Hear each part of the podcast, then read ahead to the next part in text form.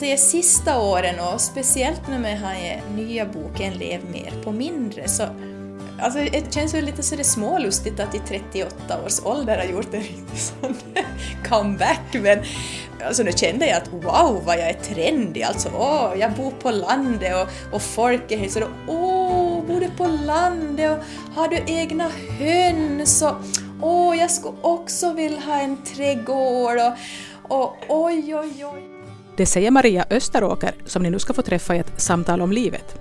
Mitt namn är Ann-Sofie Sandström. Förra veckan var jag för första gången i mitt liv till Östra Korsholm. Jag hade två ärenden. Dels skulle jag spela in det här samtalet hemma hos Maria. Dels skulle jag delta i kursen Hönseri för nybörjare som Maria och hennes man ordnade.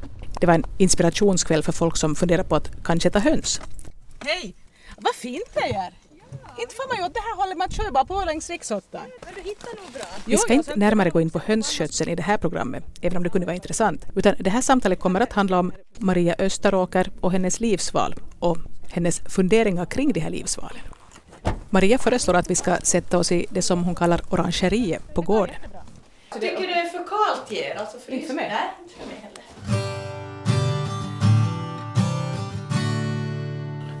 Okej, du kan börja med att berätta vem du är. Mitt namn är Maria Österåker och jag bor i en liten by som heter Anniksor i Korsholm, Korsholms minsta by. Och är riktigt ut på landet. Här bor jag med min man och våra tre barn i en gammal bondstuga. Och eh, ja, jag föreläser ganska mycket för jag, det som jag tycker allra mest om så det är att prata och skriva. Så jag jobbar som föreläsare och så skriver jag böcker ibland när andan faller på. Sådär bara. Ja. Oj, nu ska jag skriva en Ja. Sa du hur gammal du är? Nej, vad är jag? Jag vad heter, kom i den här åldern när man inte riktigt minns. Om. Jag fyller 39, men än så länge är jag 38. Var växte du upp? Och jag har växt upp i Staversby som då är en annan liten by här i östra Korsholm. Det är bara här, här över Kyröälv som jag har växt upp. Nå, Hurdan var din barndom när du växte upp där då? Ja, alltså jag tycker jag har haft en, en bra barndom. Jag tycker det har präglats ganska mycket av att jag har bott, bott väldigt nära farmor och farfar. Så jag har umgåtts ganska mycket med äldre personer. Därför tycker jag väldigt mycket om gamla tanter och gamla farbröder och sånt. Du skrev visst en bok om något sånt? Om Ja, Kvinnor och kakor längs Kyröälv. Och eh, min eh, pappa är bonde, så att jag har växt upp riktigt på landet och jag är då född 70, 1973 och jag har tänkt att det har varit en jätterolig tid att, att växa upp där på 70-talet för att, att man har växt upp med alla nymodigheter, vi har haft dator som små och så vidare. Men ändå så har man hunnit vara med om att hoppa på höskullen och för korna ut i, alltså på bete och så vidare. Så att det känns som man har man har levt ett modernt liv men ändå stått med åtminstone en lilltå i det här gamla som man tänker lite så här nostalgiskt på. Hade du mycket syskon också där? Jag har två yngre bröder, Johan och Dennis. Var det en sån där by också att det var många barn som lekte tillsammans och just... eh, Nej, verkligen inte. Alltså jag och min bror, han är då två och ett halvt år yngre, så vi var nog tvungna att, att stå ut med varandra ganska mycket. Det var väldigt... Staversby är en sån by så är långt mellan husen. Eh, Det var väldigt få barn i samma ålder. Jag hade fem kilometer till skolan och eh, mina kompisar var ganska utspridda med några kilometers mellanrum. Så att, att jag har aldrig varit med om det här, den här Bullerby-känslan när alla har lekt tillsammans, utan, utan jag har varit mest med farmor. Nå, vad tänkte du när du växte upp där och vad tänkte du att du skulle börja göra? Ja, ja, alltså min bror och jag har alltid lekt bank. När, man har ju alltid hört så här att alla barn brukar leka skola, men jag minns aldrig att vi har lekt skola, vi har alltid lekt bank. Och då var min bror, han, han var alltid den som fick komma och sätta in pengar och så skrev jag små lappar och så räknade jag på maskin och så. Eh, och min mamma jobbar på bank så det var väl kanske därför ganska naturligt. Men när jag började tänka mer så här att vad jag ville bli, så jag ville bli chef, Ja, chef, lärare, eller så funderar jag också lite så här på psykolog. Jag har alltid tyckt väldigt mycket om att fundera, både psykologi och teologi och filosofi och sånt. Var du en sån som var jättebra i skolan? Mm, verkligen. Ja, verkligen. Det låter hemskt att säga verkligen, men ja, det var jag. Jag har alltid varit en sån som... Jag är en väldigt tävlingsinriktad person, så att, att jag nöjer mig väldigt sällan med lite, att om jag vet att det går att, att få mer. När, jag minns att när jag började i högstadiet så, så min klassföreståndare, Baloo, så han sa alltid åt oss att, att ni måste alltid göra ert yttersta. Att då behöver ni aldrig sen fundera efteråt att om det skulle ha, ha gått att komma längre eller göra bättre eller på något annat sätt. Och det tycker jag nog som kännetecknar mig ganska mycket, att, att jag har nog alltid försökt mitt bästa. Du gick i gymnasiet då? Gick... Ja, i Smäsby. Hade du då redan riktat in dig på något speciellt när du var i gymnasiet? Det var ju nog de här sakerna som var intressanta då också. Psykologi tyckte jag jättemycket om, jag har alltid tyckt jättemycket om religion. Och sen det här med, med att vara chef tyckte jag nog då hängde kvar ändå så att jag, jag skulle jättegärna ha läst teologi eller psykologi eller ekonomi. Och då hade jag, alltså jag hittade min då blivande man Jenk jättetidigt, jag var bara 14 när vi träffades. Och då vad heter det, kändes väl nog sådär att det var nog väldigt bekvämt att studera här i Vasa. Så då sökte jag in till Hanken och slapp in och på Hanken var jag väldigt, väldigt, väldigt många år. Inte för att det, absolut inte för att det tog länge att studera, men jag kom mig liksom aldrig därifrån. Bra tydligen. Ja, så var ju väldigt bekvämt. Jag minns eh, när jag studerade och skrev min magistersavhandling, så då märkte jag att jag tyckte jättemycket om att skriva. Och jag tyckte att när alla andra tyckte att det var jättetungt att skriva sin, sin avhandling så kände jag att, nej, men att det här går ju helt bra. Så när jag började bli klar så fick jag då frågan om jag ville stanna kvar och börja, börja dels, dels jobba som assistent, hette det på den tiden, och sen också börja doktorera. Och då tänkte jag, ja men att det kan jag ju som prova på. Att, att jag tyckte att det var, alltså det var en drömsituation att få betalt för att eh, utveckla sig på det sättet. Så, så då, då började jag doktorera. Och sen blev jag, blev jag då ekonomidoktor 2003 och då, då frågar man att ja, att, att vill du lämna kvar som, som överassistent och föreläsare, lärare då, och forskare. Då tänkte jag att ja, men att det kan jag ju bra göra. Då kändes det så att wow, att över 30 och jag har inte varit på en enda anställningsintervju. ja, det här var ju, gick ju smidigt. Alltså i princip var jag på Hanken under tiden jag fick alla barn och, och jobbade där, både som forskare och, och lärare i något skede så kände jag nog sådär att, att mitt ämne då var företagsled, eh, nej, entreprenörskap och företagsledning. Och så kände jag nog så här att ja, men att jag har ju egentligen inga egna exempel som jag kan berätta om när jag står där och pratar om tillväxtföretaget och företagsstrategier och personalutveckling och det ena och det andra. Jag tänkte att jag vet inte hur många gånger jag har tagit exemplet med post-it-lapparna som en väldigt kreativ innovation, så jag kände att nej, att jag behövde dels för mig själv pröva på någonting nytt och också för att jag skulle kunna känna att jag var som trovärdig och, i min roll som lärare, att, att faktiskt pröva på, på det här, att göra någonting annat. Så, så då sa jag upp mig 2008 och började på Jutbacka kulturcentrum som företagsutvecklare och eh, jobbade där då tillsammans med, med personer som ville starta företag inom kreativa sektorn, hade egna företag men ville kanske bättre kunna leva på sin talang och så vidare. Och det var under den tiden jag började skriva mer och det var också under den tiden som jag började föreläsa på ett annat sätt än vad jag hade gjort på Hanken och tyckte att det var jätte, jätteroligt. Var det då som du skrev den boken? Vad heter äh, den? Ja, Ta betalt. En, alltså prissättning i skapande branscher. Det var den första boken jag skrev och den kom ut på Liber förlag i, i Sverige då 2010. Många av oss har ju den här listan inne i sitt huvud att, att vad vill jag göra i mitt liv? Och då har det alltid varit väldigt, väldigt högt upp det här med att, att jag vill skriva en bok. Det var ingen skillnad vad boken skulle handla om, men jag minns att jag föreställde mig där att oj, undrar hur det känns när man kommer in till Bibban och så ser man där på bokhyllan en bok som man har skrivit själv, eller undrar när man går in i bokhandeln och, och ser någon som håller på att köpa min bok och så vidare. Så det där tänkte jag och oj, oj, oj, det skulle vara roligt att skriva en bok. Men jag hade nog aldrig i min vildaste fantasi eller i min vildaste mardröm tänkt att, jag, att min första bok skulle bli en så tråkig bok så att den skulle handla om prissättning. Men eh, det var nog kanske först när jag skrev den här Kvinnor och kakor längs Kyroelv som jag kände alltså faktiskt den här riktig stoltheten över att ha skrivit en bok. För att det var det var en idé som jag kom på helt själv. Alltså jag, hade, jag, hade, jag kände som så starkt för den boken jämfört med den här prissättningsboken. Sen slutade Maria på Jutbacka. Hon sa upp sig för att starta ett eget företag. Sen när man som börjar göra någonting annat, så före så tänker man alltid att åh, men att tänk om jag ångrar mig och tänk om jag vill tillbaks sen och det inte går. Men när man sen tar sig över den där tröskeln, att man, att man kommer, sig, kommer sig för att pröva någonting nytt och man märker att oj, men att det här funkar ju, att det går ju att göra någonting helt annat. Att, att, åtminstone för mig har det varit så att, att då har jag inte längre varit intresserad av att gå tillbaks, för det vet man ju hur det är. Jag blir tvungen att byta batterier i min inspelningsapparat och medan jag pynjar med det så ber jag Maria berätta om en sak som hon nämnde på en föreläsning som hon hade i Nykarleby för några veckor sedan. För hon har kommit fram till att hon tycks ha en viss form av samlarmani.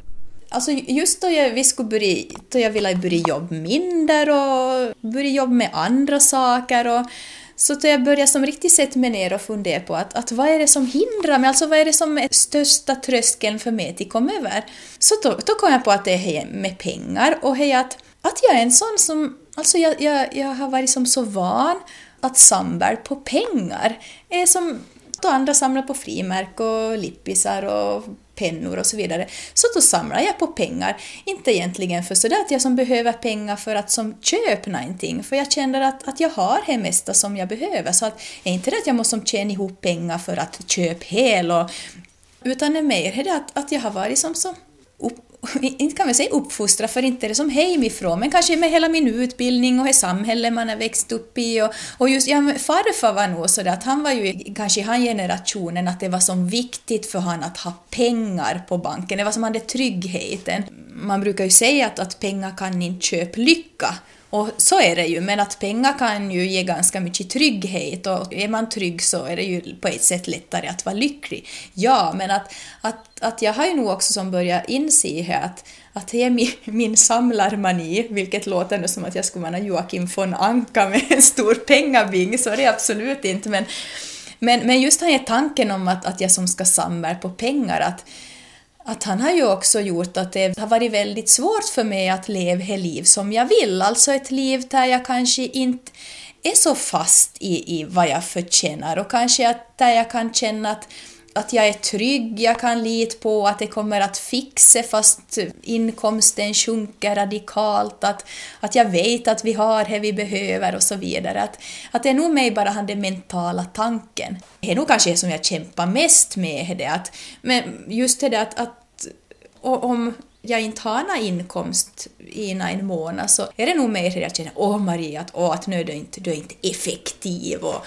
nu är du inte lyckad och sådär. Att, att man mer känner det som sådär åh, att gärna ingenting nu då, sitt inte och, och söl. Så, så det är väl nog mer det att, att jag jobbar med att, det är som, att jag också kan njuta av livet fast inte det pengarna rullar in. Men samtidigt kan jag ju som jag kan ju som ha väldigt roligt åt mig själv att jag kan ju, alltså jag har inga problem med att på mitt nattduksbord ha en, en bok som heter Lev enklare sida vid sida med en bok där det står Tjäna ihop din första miljon. Att, att det är nog som väldigt, jag är väldigt schizofrent på något sätt. Det mesta går ju ut på att vi som ska tjäna ihop pengar. Så att, att det är väl egentligen en sån där ganska naturlig instinkt som jag har som fått jobb med att, att det är också okej okay, fast jag inte gör det. Att, att in, ingenting hemskt händer fast, fast jag vad heter det, inte, inte siktar på det varenda dag eller varenda månad. Egentligen så behöver jag ju inte pengar, jag behöver ju som tid. Men att värderande tiden lika högt som man är van att värdera pengar, att det är det jag jobbar med. Att, att att man kan också värdera saker högt utan att det finns som ett monetärt värde i dem på något sätt.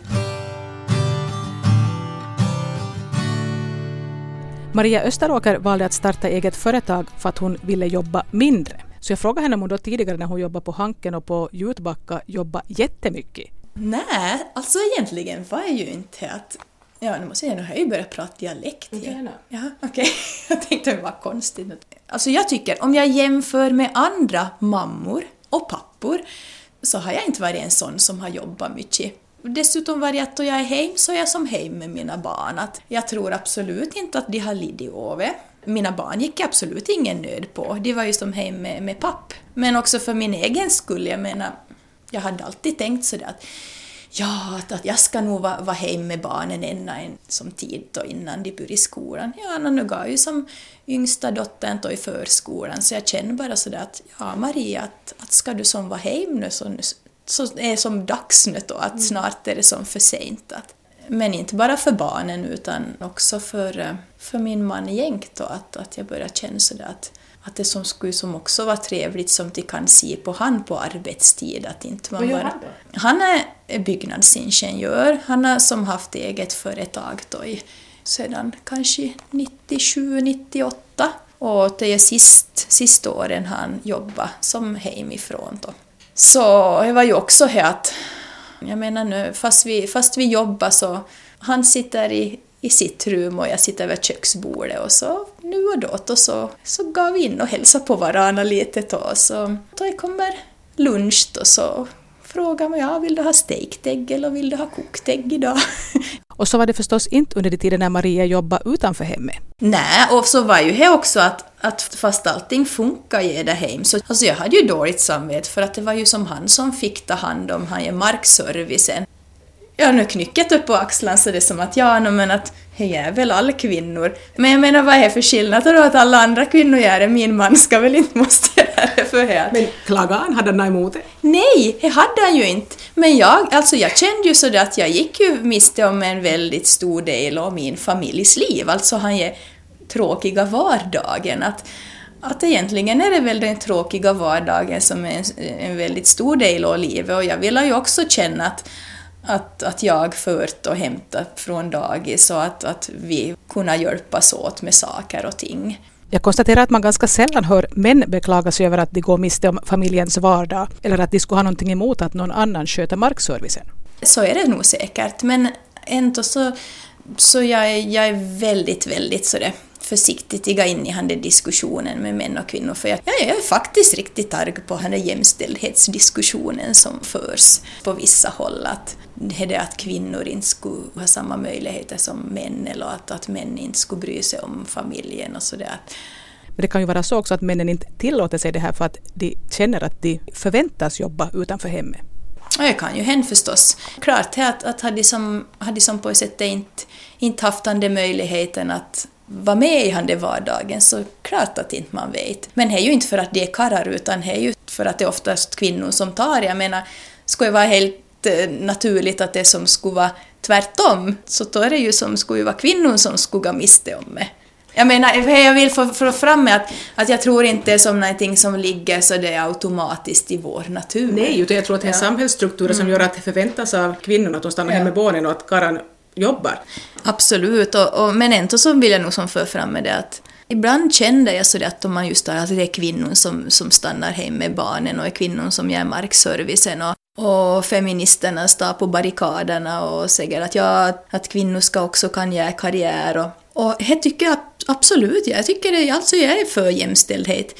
Men jag tycker inte att det får vara så att om man pratar om jämställdhet och att kvinnor är det hem, att det att vara det hem precis som ett alternativ B, alltså ett sämre alternativ. För att det är jättemånga som vill vara hem med sina barn och som ser det som världens rikedom att få he. Och he är det ju faktiskt, alltså eh, Samtidigt så tycker jag också att kvinnor måste, att vi måste vara jätteglad och jättetacksam och jättestolt för att, att, vi, att det är som så naturligt för oss att vara hem med dem. För jag tror, alltså jag tror fullt, fullt ärligt att, att det finns en hel del män som också skulle vilja vara där hem. Det är ju det som är problemet kanske mer att, att det är så få män som kan tillåta sig det än, att det ska vara problem att kvinnor Ja, kan. antingen att män, att män inte tillåter sig, men jag tror snarare också att, att samhället inte tillåter Mm, män. ja, ja. Att kanske att att de är rädda att de som förlorar ansiktet eller att, att de inte som upplevs som lika ivrig på jobbet och att karriären lider på det sättet. Så att egentligen är det ju bådas karriär som lider av det. Men sedan kan jag väl som också tycka att, att som kvinna att jag har som aldrig, aldrig känt att det som skulle ha som nackdel av att vara kvinna, alltså om man pratar jobb eller karriär eller vad som helst. Att ofta så tycker jag att man också glömmer bort det att klart att, att en kvinna kan göra karriär på samma sätt som en, en man. Men äh, vill man göra karriär så hamnar man att, att göra vissa uppoffringar. Man kan inte ha en, en fungerande vardag med sin familj. Man kan inte ha samma tid med, med sin man och sina barn. Och äh, män som gör karriär har ofta offrat ganska mycket överge.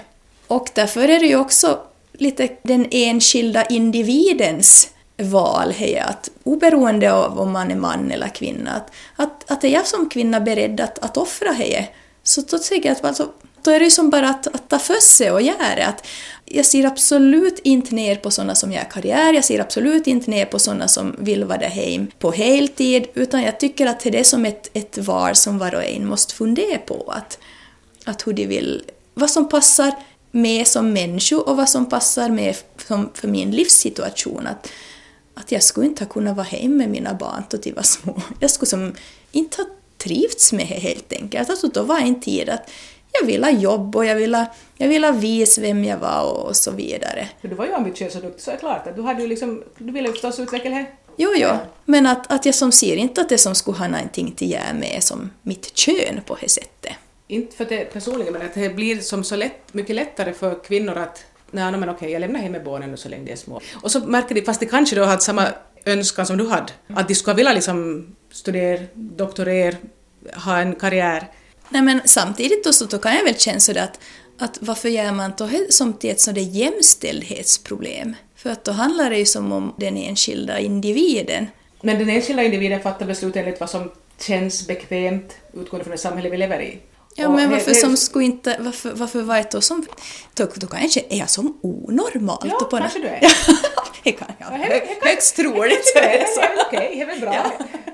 ja, så är det väl. Ja, vi, säger, vi får Nej, väl men, säga nej, men, det det jag. du hade i alla fall en chans att göra karriär och du jobbar på Hanken och du trivs där med ditt jobb och du var duktig och allting så du, du har gjort allt det där. Ja, men en karriär var ju in. Men du hade, du hade ambitioner, helt klart. Kanske. Men att det har ju också mycket som att jag, som jag ser det nu också som med uppfostran och hur man som får det, hur man får det i sig det att Alltså både hade självkänslan och självförtroende förstås. Jag frågar Maria Österåker varifrån hon tror att hennes självförtroende och självkänsla kommer. Ja, jag har faktiskt funderat på det lite, för det är ju sånt som man gärna som skulle föra vidare till sina barn. Jag tror att, att jag hade nog så mycket som två saker. Dels att jag som bodde så nära farmor och farfar.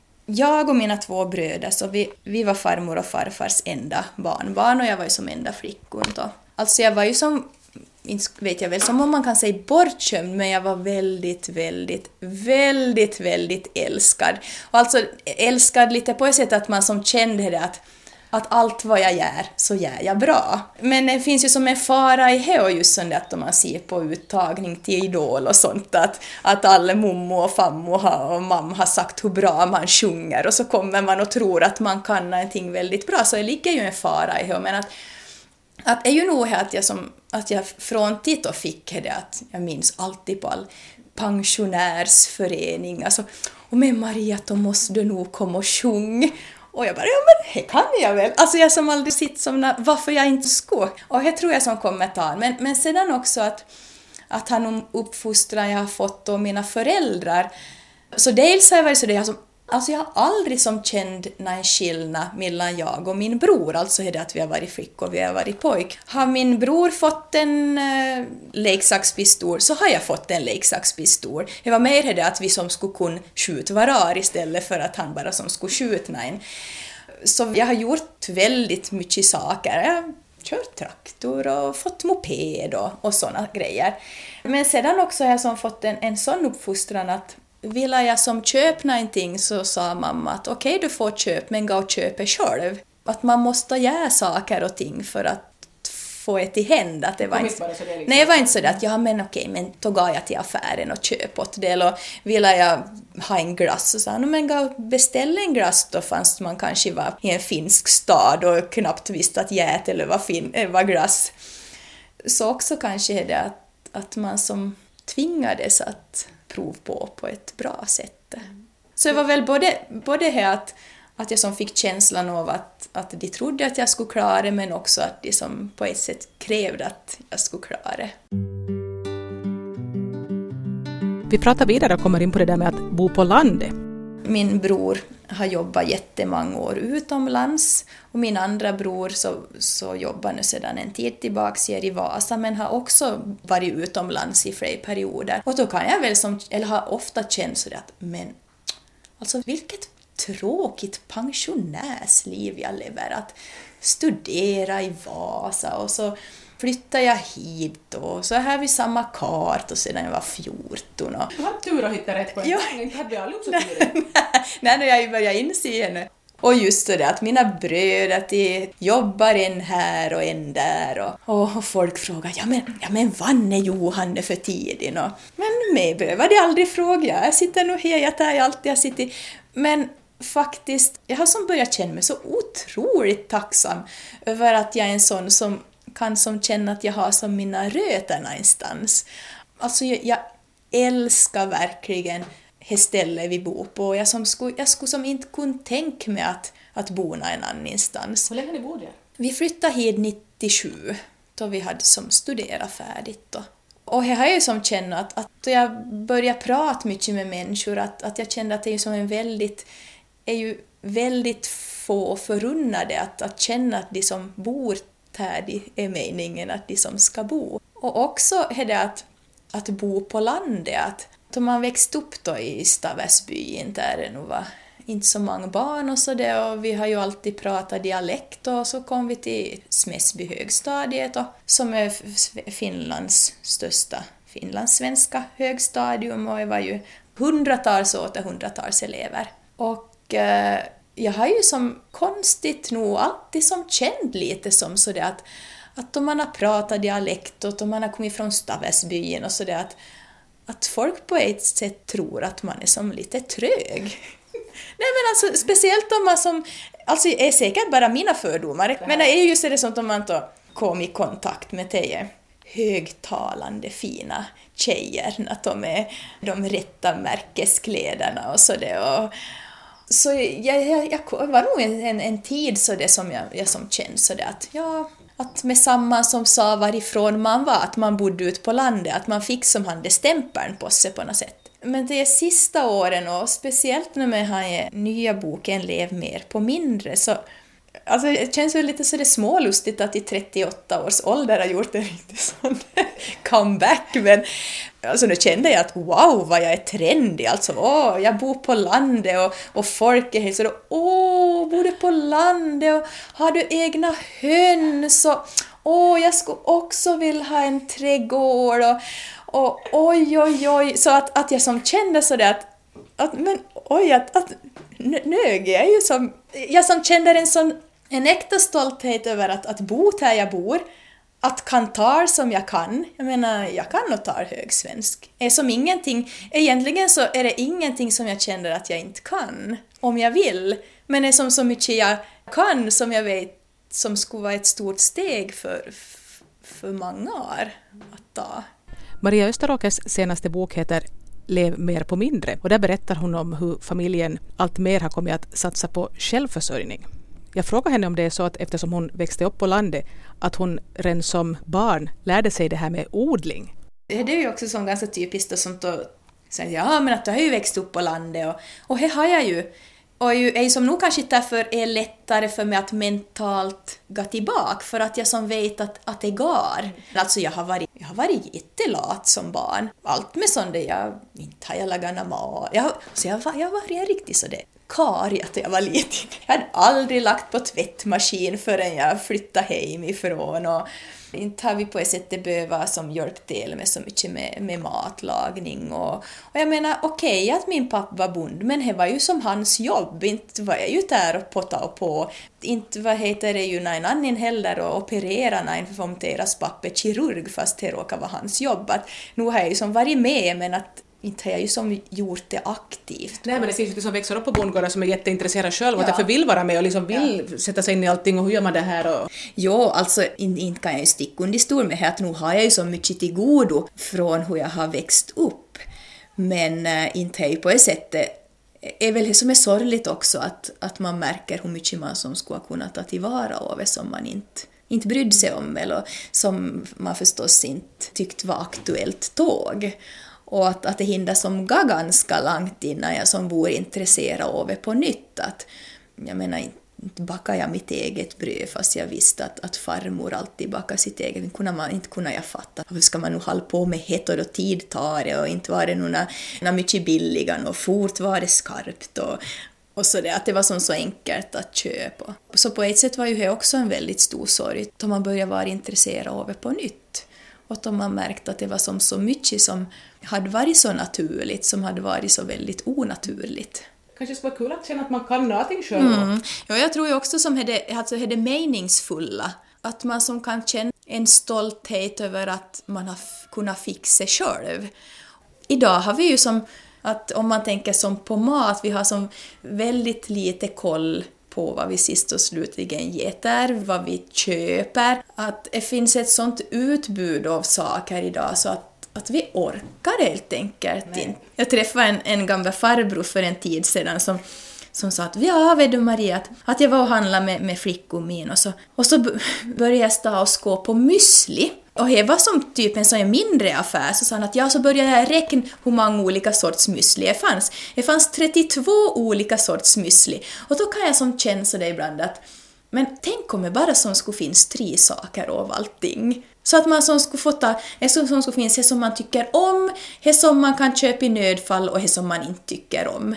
Men också det att sedan vi börjat äh, leva med så jag tänker att vi ska äh, leva mer självhushållning och också förstås tänkt lite mer på vad vi äter och försökt tänka lite ekologiskt och sånt. Så, så samtidigt var det som lite paradoxalt det för att, att jag kan som idag komma in i en affär och som känns så att, att det finns som ingenting som jag kan köpa. Och, och då kan jag som vara sorgsen för jag minns bara för en för några år sedan då jag bara åh, här kommer en ny smak och åh, en ny färg och sådär. Att, att man som vill prova allting nytt och aldrig att man skulle som orka läsa innehållsförteckningar eller bry sig om att det fanns na, någonting som heter parabener eller något sånt.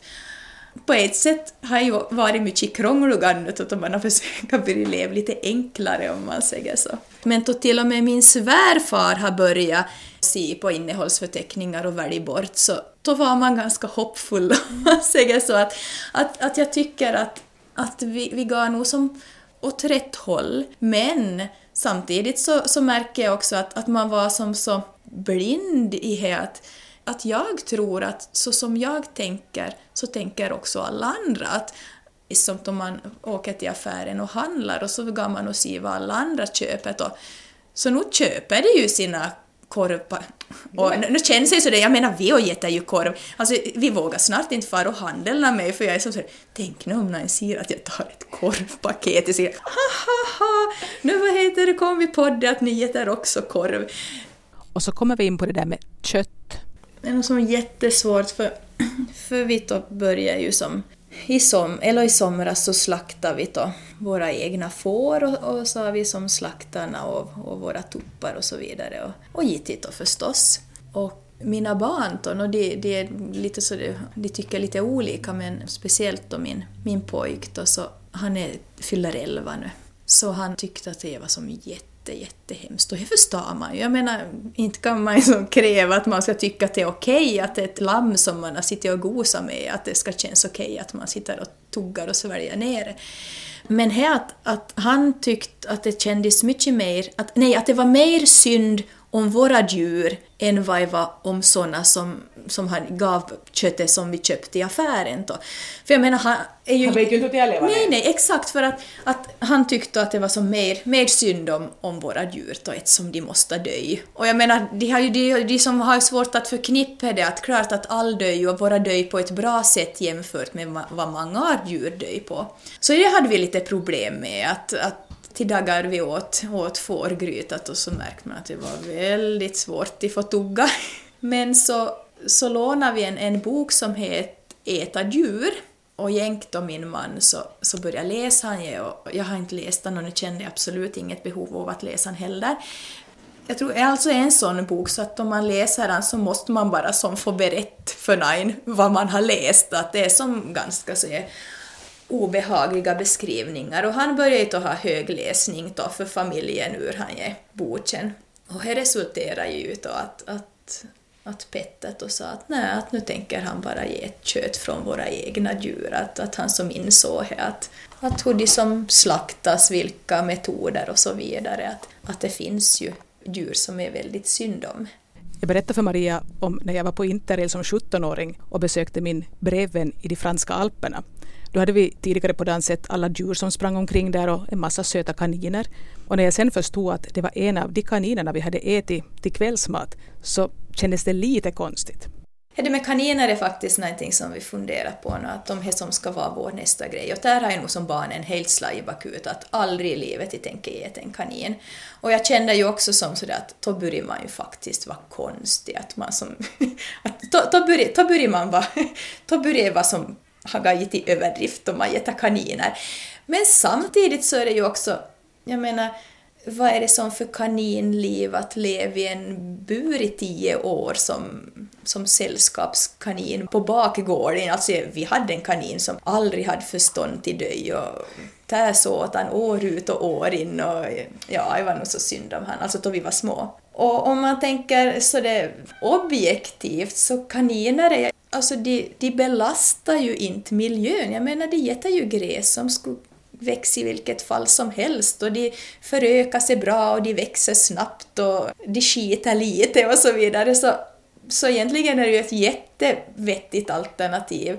Och då tycker jag det är jätteintressant att just börja fundera på sånt och att varför är det som okej okay att ge ett grisar och att inte ge ett hundar? Att grisar är ju ett jätteintelligent djur och, och att, att det är ju som mycket, mycket bara kulturella tankemönster som styr att vad vi tycker är okej okay att ge ett och inte ge ett. Att jag menar klart vi som skulle kunna vara vegetarianer men, men samtidigt så känns det också att vi tycker också om kött och på ett sätt så känns det som mig naturligt för oss att fortsätta med det. Och det som är viktigt för mig är ju som är det att ska jag som ge ett kött och så vill jag kanske som känna att, att det är som kött från djur som har haft bra, att som har som haft ett, ett liv då på det sättet. Att om man tänker som på våra får och våra tuppar och, och allt vad vi nu äter get och så. Nu har vi just fått lamm, de är en vecka gamla nu om inte vi som skulle ha tänkt att vi som ska ge upp till då i vinter så skulle vi ju som aldrig ha tagit. Och då var det ju som en sån konstig filosofisk eh, tankevirvel här att, att det är rätt och som bättre att de som får födas då lever ett väldigt, väldigt gott liv ger och hoppar på er i hagan och, och sedan så fyller de våra magar och ser till att, att vi, vi har ett gott liv. Eller att de som inte föds alls att som, som köttätare så på ett sätt kan man ju som tänka att man också som ger liv, att man som ger möjligheter för, för djur att få födas och ha en bra handtid de lever. Jag vet inte hur man som ska tänka kring det egentligen. Men att åtminstone nög så, så har vi tagit det valet att, att vi äter kött och då äter vi vårt, vårt eget på det sättet. Mm började de komma redan. Så klockan är faktiskt är sex redan. Oj! Tiden har gått fort och de andra som ska vara med på hönskursen börjar droppa in. Så vi ska försöka få någon avslutning på det här. Jag hade tänkt komma in på det där med att ta ansvar för sitt eget liv.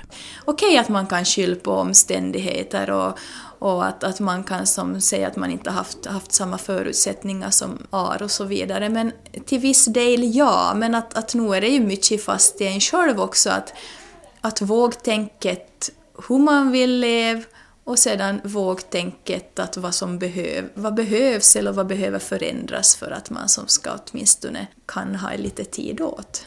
Vi har ju som jakten på lyckan idag, att vad som gör folk lyckliga.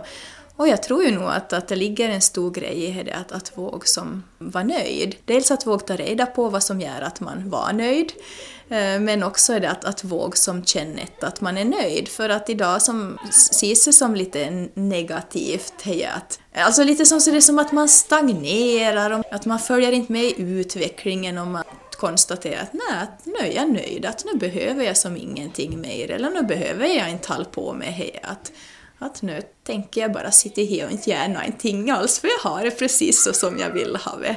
Alltså det som jag är mest tacksam över nög, som jag har, är att, att jag som kan få vara nyfiken på vad som kommer till hända. Och jag har ingen aning, alltså jag har ingen aning om hur mitt liv kommer att se ut eh, nästa år eller om ett år eller om två år, men, men just nu så ser jag en, en jättestor fördel i att, att ha det så. Och att, att kanske som våg tro att, att, att jag, jag vet inte hur det kommer att vara, men att, att jag tror att det kommer att vara bra. Du har hört ett samtal om livet med Maria Österåker i Korsholm. Mitt namn är Ann-Sofie Sandström.